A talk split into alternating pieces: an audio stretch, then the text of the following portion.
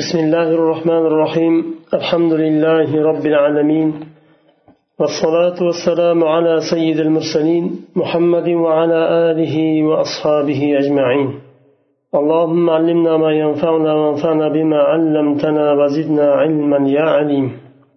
خلفاء الراشدين لنا sanab o'tilganda ahli jannat rasululloh sollallohu alayhi vasallam ularni ahli jannat deb bashorat berganlar o'nta nima sahobani rasululloh sollallohu alayhi vasallam jannat bilan bashorat berganlar ya'ni bir hadisda o'ntasini jamlaganlar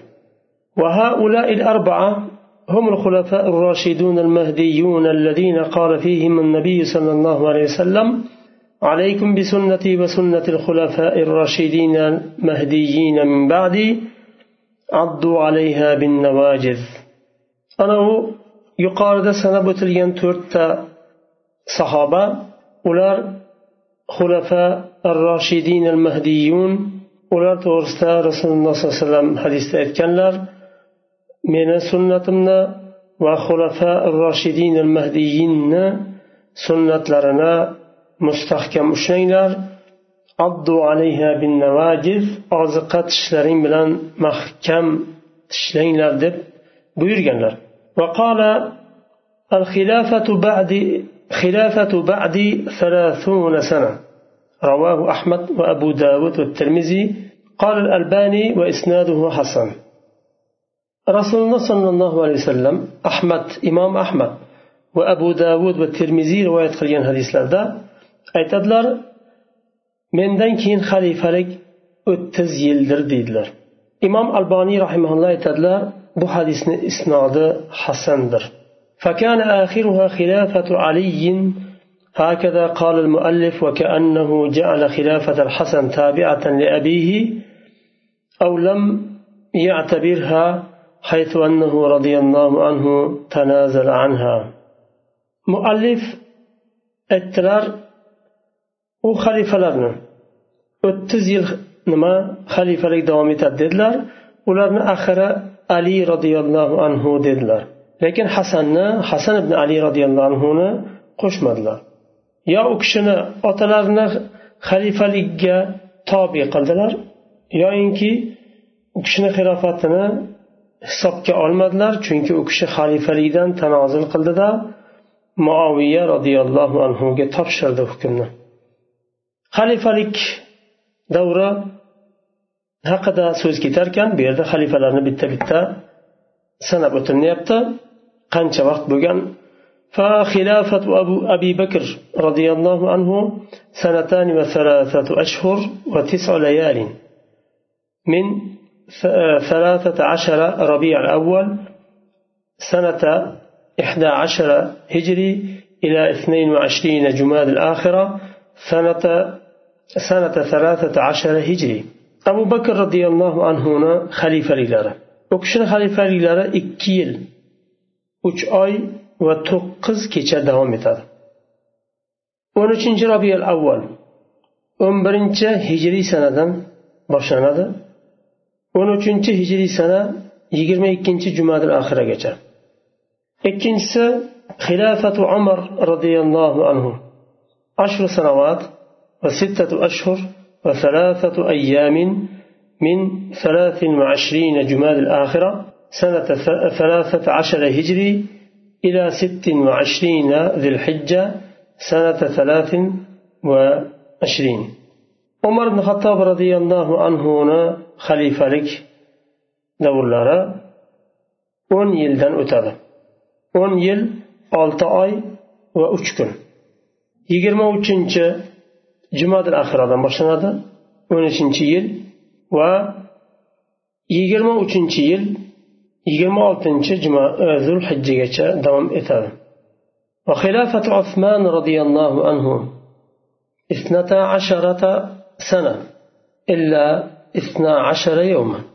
من واحد محرم أو أول محرم سنة أربع وعشرين هجري إلى ثمانية عشر ذي الحجة سنة خمس وثلاثين هجري عثمان رضي الله عنه خليفة وقت لرى دور لرى 12 yil bo'lgan o'n ikki yildan o'n ikki kun kam bo'lgan yigirma to'rtinchi hijriy sanani birinchi muharramidan boshlab o'ttiz beshinchi hijriy sana zulhijjasigacha davom etadi o'n sakkizinchi zulhijjagacha وخلافة علي رضي الله عنه أربع أربع سنوات وتسعة أشهر. من تسعة عشر ذو الحجة ذي الحجة سنة خمس وثلاثين هجري إلى تسعة عشر رمضان سنة أربعين هجري. علي رضي الله عنه خليفة yil va to'qqiz oy davom etadi o'n to'qqizinchi zulhijja o'ttiz beshinchi yildan boshlanadi qirqinchi yil o'n to'qqizinchi ramazongacha davom etadi فمجموع خلافة هؤلاء الأربعة تسع وعشرون سنة وستة أشهر وأربعة أيام ularni xalifalik davrlarini to'rt buyuk sahobani xalifalik davrlari yigirma to'qqiz yil olti oy va to'rt kun davom etadi. O'ttiz yil deganlar rasululloh olti oy yetmayapti. Hasan ibn ali roziyallohu anhu otalaridan keyin olti oy xalifalik qiladilar. Undan keyin tanozul qilib muoviyaga topshiradilar. Olimlar beshinchi xalifatul roshid hasan ibn ali deydilar shuning uchun. Chunki o'sha o'ttiz yil deganlar rasululloh o'ttiz yilni ichiga kiradi u kishini xalifalik davrlari. ثم بويع الحسن ابن علي رضي الله عنهما يوم مات أبوه علي رضي الله عنه وفي وفي ربيع الأول سنة واحد وأربعين هجري سلم الأمر إلى معاوية وبذلك ظهرت آية النبي صلى الله عليه وسلم في قوله الخلافة بعدي ثلاثون سنة وقوله في الحسن إن ابني هذا سيد ولعل الله أن يصلح به فئتين عظيمتين من المسلمين رواه البخاري undan keyin ali roziyallohu anhuni vafotlaridan keyin hasan ibn ali roziyallohu anhu xalifa bo'ladilar o'sha kunni o'zida musulmonlar bayat berishadi qirq birinchi hijriy sanada robiy al avval oyida u kishi hasan ibn ali roziyallohu anhu muaviya roziyallohu anhuga xalifalikni topshiradilarda shu bilan rasululloh sollallohu alayhi vasallamni mo'jizalari zohir bo'ladi. Chunki u kishi aytgandilar sollallohu alayhi vasallam xalifalik mandan keyin o'ttiz yil davom etadi deganlar hasan ibn ali xalifalikdan tanozil qilishliklari bilan o'ttiz yil to'ladi. Ali roziyallohu anhuni vafotlaridan keyin hali yigirma to'qqiz yarim yil edi. Hasan ibn ali roziyallohu anhu xalifaliklari demak shu o'ttiz yilni ichiga kiradi. Bu birinchi mo'jiza bo'lsa ikkinchi mo'jizalari rasululloh sollallohu alayhi vasallam hasan ibn ali haqida aytadilar hada. Bu o'g'lim sayyiddir deydilar. O'g'il haligi nabirani o'g'lim desa bo'ladi va shuningdek bobosini otasini otasini e, ota desa bo'laveradi. Ota hukmiga kiradi ya'ni. Bu o'g'lim nimani e, sayyiddir deydilar. Shoyatki alloh taolo shuni sabab qilib ikkita buyuk toifani o'rtasini musulmonlardan tashkil topgan ikkita buyuk bir toifani o'rtasini alloh taolo shoyatki isloh qilsa deganlar. Muaviya roziyallohu anhuga ergashgan musulmonlar shomdagi shom ahli va shom atrofi va ali roziyallohu anhuga ergashganlar iroq. Ahli ular nima? Ikkita buyuk firqa edi. Hasan ibn ali roziyallohu anhu xalifalikdan tanozil qilib muoviya roziyallohu anhuga topshirishliklari bilan ikkita katta toifa firqa birlashadi. فالحسن سبط رسول الله صلى الله عليه وسلم وريحانته وهو أمير المؤمنين ابن أمير المؤمنين علي بن أبي طالب رضي الله عنه ولد في خمسة عشر رمضان سنة ثلاث ومات في المدينة ودفن في البقيع في ربيع الأول sanata hamsina hijriy. Hasan ibn ali roziyallohu anhu u kishi rasululloh alayhivasallamning nabiralari. Qizni bolasini sibit deydi arablarda. Qizini bolasi nabira bo'ladi. Shuni arablarda sibtun deydi. U kishi amiril mo'minin olti oy amirlik qildilar mo'minlarga va amiril mo'mininni ham o'g'illari ali ibn abi tolibni uchinchi hijriy sanada o'n beshinchi ramazonda dunyoga keladilar va madinada vafot qiladilar baqiy qabristonida dafn qiladilar qilinadilar robiy avval oyida elliginchi yilda qirq yetti yosh yashagan ekanlar hijriy sana bilan والحسين سبط رسول الله صلى الله عليه وسلم وريحانته وهو ابن علي بن أبي طالب رضي الله عنهم. ولد في شعبان سنة أربعة وقتل في كربلاء في عشر محرم سنة واحد وستين هجري وثابت وهو ابن قيس بن شماس الأنصاري الخزرمي خزرجي خطيب الأنصار قتل شهيدا يوم اليمامة سنة إحدى عشر هجري في آخرها أو أول سنة اثنى عشر هجري حسين رضي الله عنه أكشهم رسول الله صلى الله عليه وسلم نبير لره أكشهم علي بن أبي طالب رضي الله عنه o'g'illari shabon oyida to'rtinchi hijriy sanada tavallud topdilar Karbaloda o'ldirildi u kishi. Shahid qilindi. Va o'ninchi muharram oltmish birinchi hijriy sanada u kishi karbaloda o'ldirildi. Sabit bu kishi ibn qays ibn shammas al ansoriy hazrajiyni o'g'illari. Yamoma kunida shahid bo'lganlar.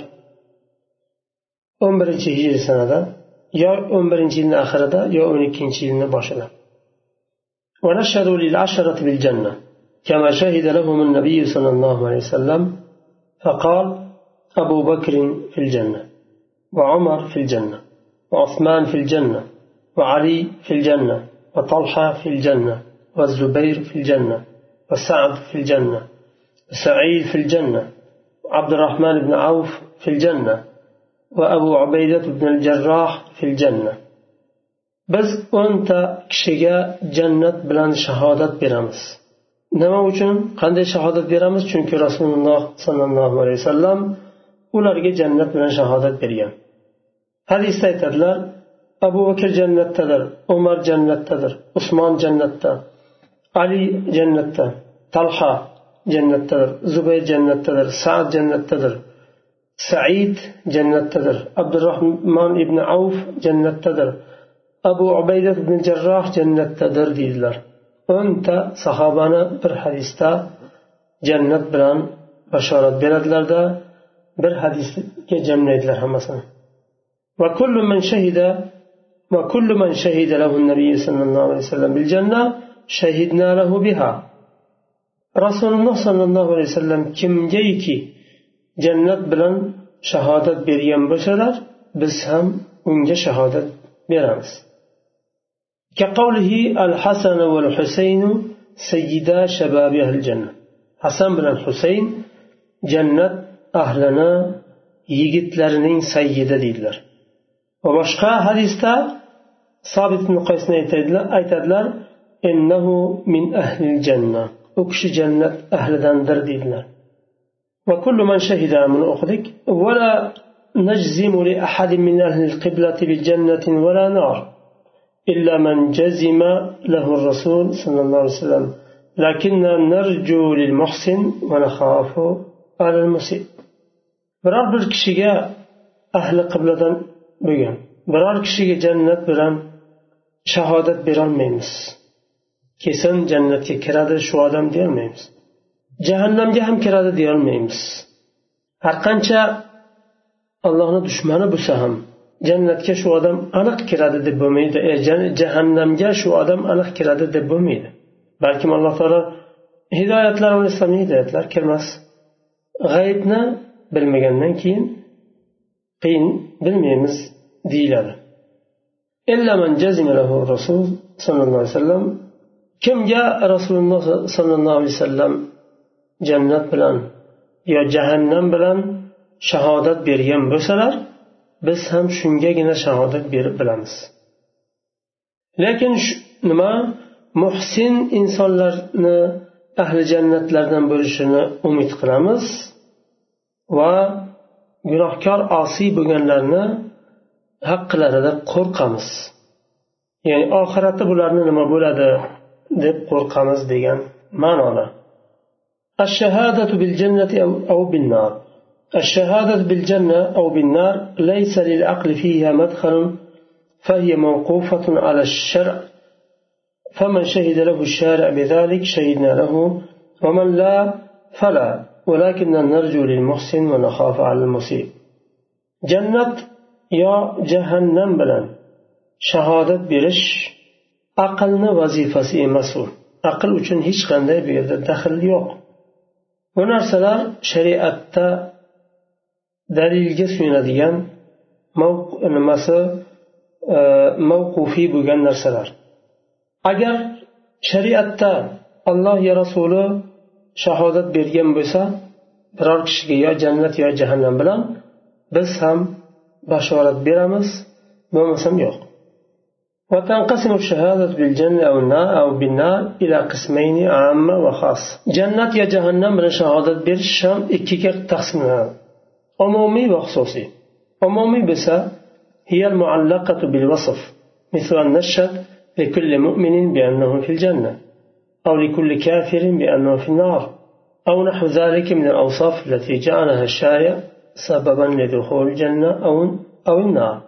umumiy bo'ladigan bo'lsa bu bir sifat bilan muallaq bo'ladi o'sha sifat topilishi bilan topiladi o'sha shart ketishi bilan ketadi. Har bir mo'minni jannatda deb umid qilamiz. Lekin jazm qilmaymiz aniq deb. Va har bir kofirni jahannamda bo'ladi deb holidan qo'rqamiz. Sababi kufr jahannamga kirishga sabab bo'ladigan sifatlardan iymon jannatga kirishga sabab bo'ladigan sifatlardandir bu umumiy xususiy bo'lsa hiyal muallaqatu bi shaxs bir shaxs bilan ya'ni o'zini shaxsi bilan muallaq bo'lgan narsa مثل أن نشهد لشخص معين بأنه في الجنة أو لشخص معين بأنه في النار فلا نعين إلا ما أينه الله أو رسوله demak xos bo'lgan nima? Shahodat bir shaxsga taalluqli bo'lgan bir sifatdir. Bir muayyan shaxsni ahli jannat deb aytganimizga o'xshaydi. Yoyinki bir muayyan bir kishini jahannamni ahli bu jahannamga aniq kiradi deganga o'xshagan. Bular mumkin emas. Tayin qilib hech qachon aytmaymiz falonchi jannatga kiradi yo pistonchi e, jahannamga kiradi deyolmaymiz agar qur'on bilan sunnat bilan shu narsa sobit bo'lmagan bo'lsa aniq e, nima qilib bo'lmaydi shu yerda to'xtaymiz kelasi darsni davom etamiz inshaalloh سبحانك اللهم وبحمدك أشهد أن لا إله إلا أنت أستغفرك وأتوب إليك